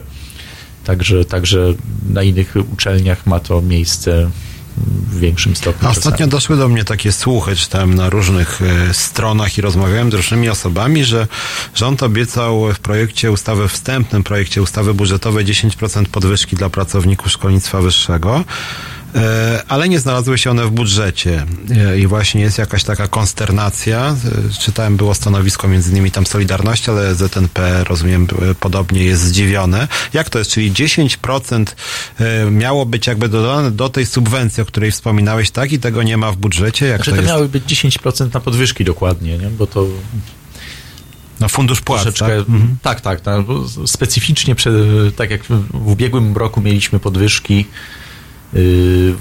niejako w nagrodę za wprowadzenie tejże yy, nowej ustawy, którą duża część środowiska kontestowało, więc było powiedziane, że no wiadomo, duża ustawa, ale żeby reforma się powiodła, to i te płace muszą wzrosnąć. I te podwyżki nie były jakieś bardzo wysokie. Tak naprawdę najbardziej na nich skorzystały osoby, które miały te najniższe wynagrodzenia nauczycielskie w kontekście właśnie podniesienia Mhm. tych stawek minimalnych, co oczywiście było, było, było pozytywne. Natomiast nie były to jakoś bardzo wysokie podwyżki generalnie. Niemniej jednak było powiedziane, że jest to tylko pierwsza tura tychże podwyżek i przez dwa kolejne lata miały być też te średnio 10% Mhm. podwyżki, jak to, jak to zapowiadano. I faktycznie minister Gowin osobiście mówił o tych, o tych podwyżkach. W pierwszej wersji właśnie postawionej, jak to się ładnie mówi, na rządzie y, te podwyżki były, no a potem gdzieś się zapodziały, czyli mamy wzrost nakładów na naukę i szkolnictwo wyższe, co wynika też jakby z ustawy Czyli ustawa, jedna z tych jakby pozytywnych rzeczy, powiedzmy, które są w ustawie, to jest gwarantowany wzrost powyżej y, wzrostu produktu krajowego brutto, tam w określonej, to jest 1 prze- 1,35 w takim, w takim Mhm. wskaźniku, więc jest jakiś wzrost nakładów, natomiast nie ma nic jakby specyficznie y, przeznaczonego na wzrost wynagrodzeń w szkolnictwie wyższym, w nauce przeciwko czemu oczywiście jako Związek Nauczycielstwa Polskiego protestujemy. Jestem też członkiem e, prezydium Rady Szkolnictwa Wyższego i Nauki ZNP, czyli tej powiedzmy ogólnopolskiej organizacji. Mm, Też właśnie wydaliśmy stanowisko jak najbardziej no, krytyczne wobec tego. No i pytanie, no musimy coś robić dalej w związku z tym, no bo to jest, mm, jak mówię, te dwa największe związki w nauce i Mhm. szkolnictwie wyższym, czyli ZNP i Solidarność wydały stanowiska. Mm, Musimy na pewno bardzo silnie teraz cisnąć tę sprawę, bo jeżeli no, ministerstwo stara się o nas zapomnieć, jeżeli minister Gowin, który naprawdę robił wszystko, żeby przepchać tę swoją ustawę jako taki punkt honoru, sobie to stawiał nawet we własnym obozie politycznym i na, na różne sposoby tutaj tę ustawę przepychał. Jeżeli chodzi o podwyżki płac, no to tutaj ta determinacja jakoś jest mniejsza.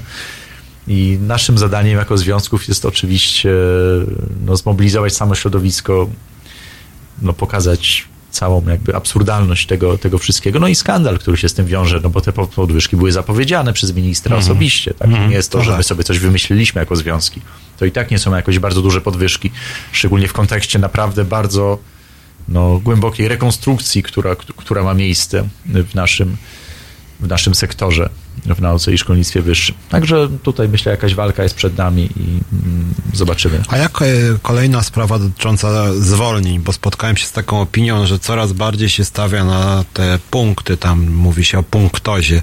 Czy to jest trochę tak, że te przyznawane punkty, niektórzy twierdzą, że dosyć arbitralnie, że może być tak, że na przykład to jest dodatkowy element konkurencji, że będziesz miał mało punktów w danym roku i możesz stracić pracę? Czy jak wygląda w ogóle kwestia stabilności zatrudnienia w, w szkolnictwie wyższym? Yy, Znaczy tak, mamy tutaj dwie kwestie. Jeżeli mówimy o nauczycielach akademickich, yy, z jednej strony mm, ta stabilność jest w jakiejś mierze gwarantowana w ten sposób, że to, co mamy zapisane w ustawie, co też oczywiście związki zabiegały, że pierwsza umowa na czas określony może mieć miejsce tak, do, do 4 lat, tak, maksymalnie do 4 lat, natomiast druga umowa z automatu i już bez żadnego konkursu jest, y, musi być zawarta na czas nieokreślony. Także to w jakiejś mierze oczywiście likwiduje te dawniejsze patologie, które jeszcze miały miejsce. To, tak naprawdę to już ten limit 33 miesięcy wcześniej w kodeksie pracy to, to znacznie ograniczył.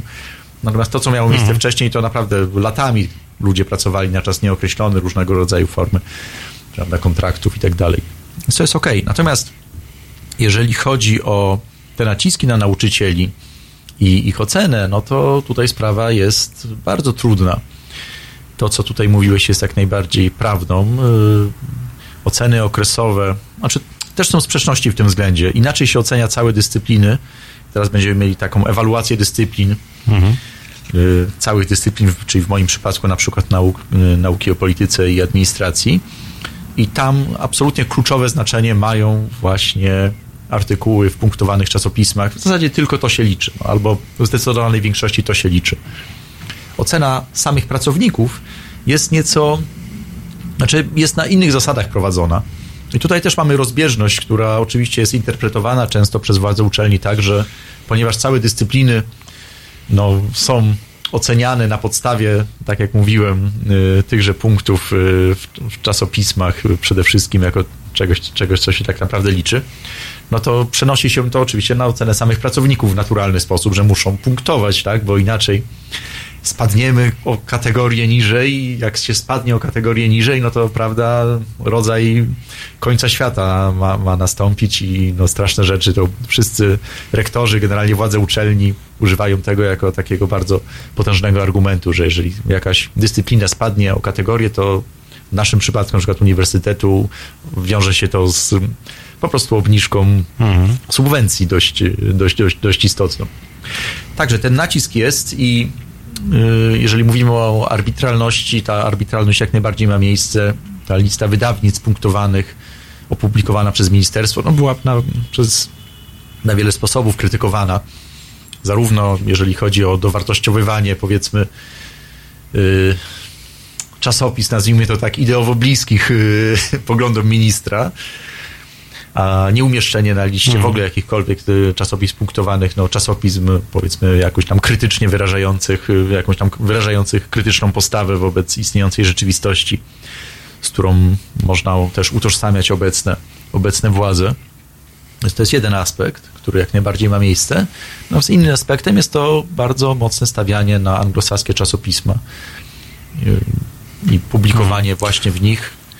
I to no bardzo wąsko modeluje w ogóle, jak nauka ma, ma wyglądać. I to, to jak najbardziej. A odnośnie, a, a odnośnie tego pierwszego wątku, czy, czy, czy po przejęciu władzy przez PiS, no 4 lata temu już ponad, coś był jakiś taki konserwatywny zwrot, czy wyczuwasz na uczelni? No Warszawa jest może specyficznym miastem, wiadomo, w Warszawie rządzi, e, nazwijmy to liberał, czy platforma po prostu, ale czy jest jakiś taki zwrot, y, czy to w nauczaniu, czy w jakimś klimacie na uczelni, czy w postaci jakichś takich y, mniej lub bardziej ukrywanych y, sugestii, żeby jednak na przykład przekazywać tą wiedzę bardziej konserwatywnie?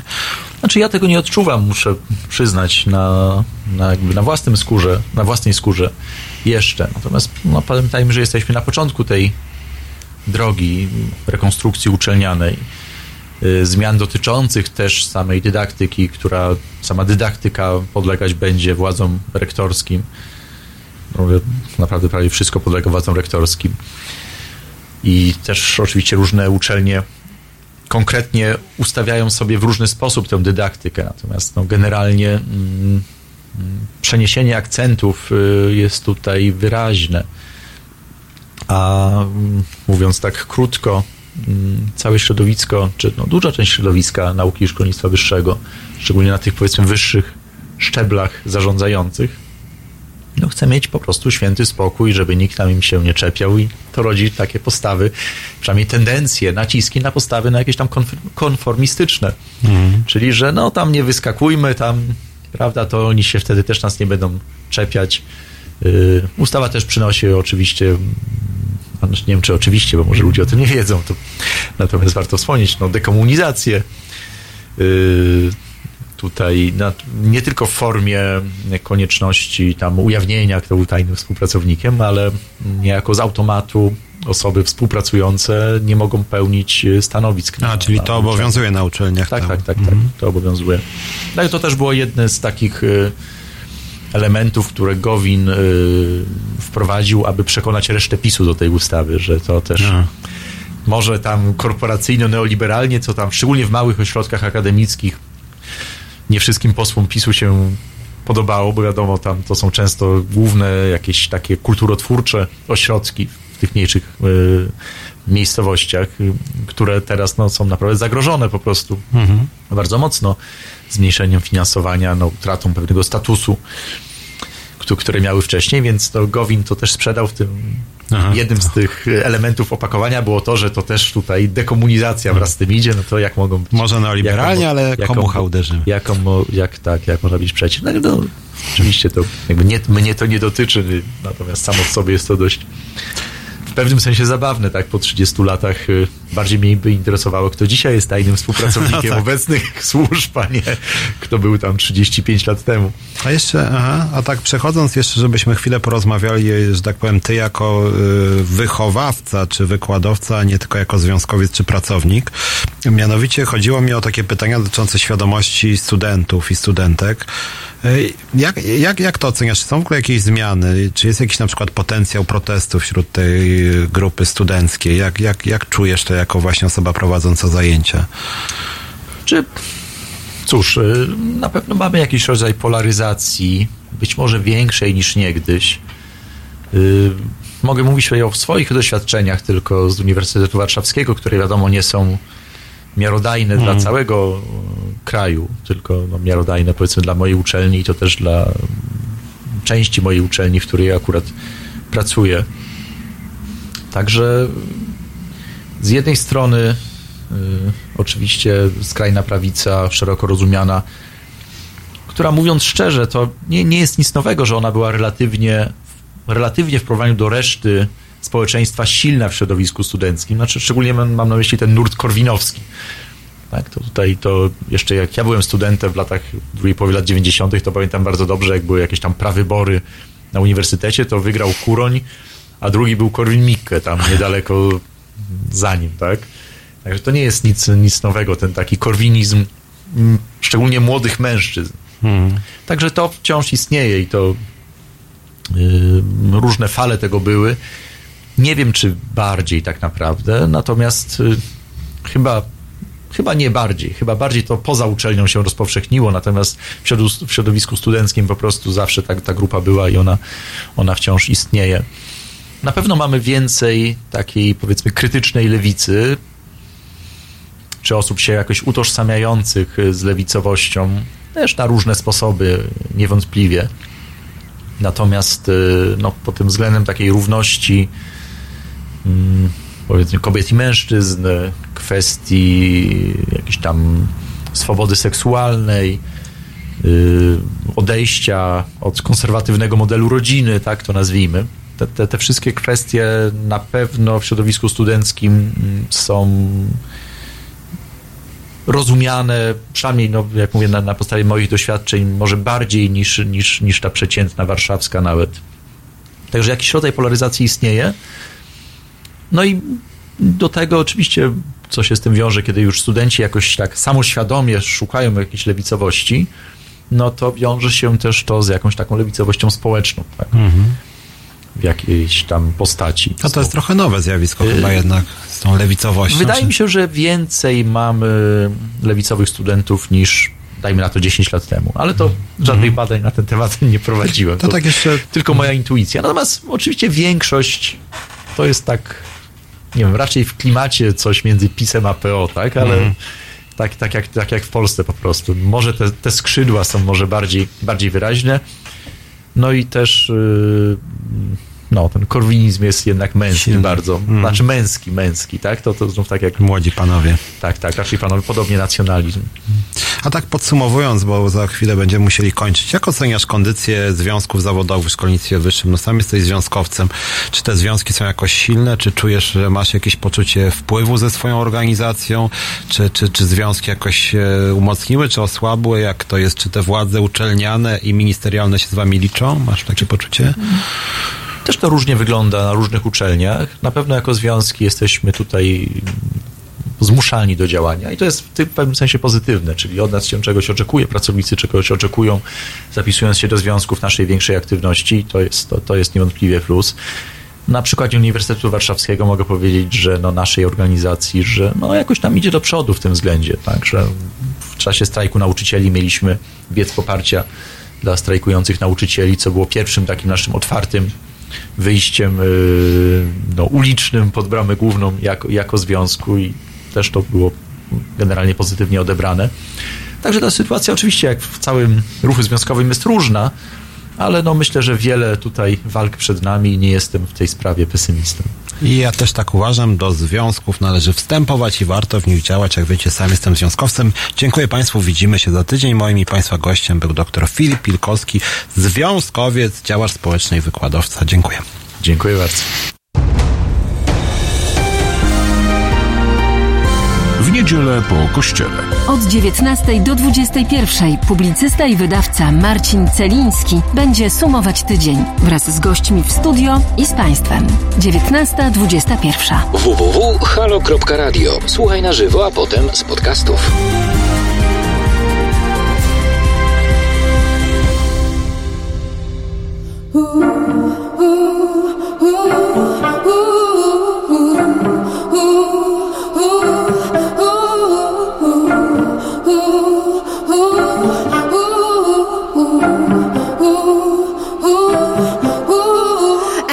17, I started to starve myself.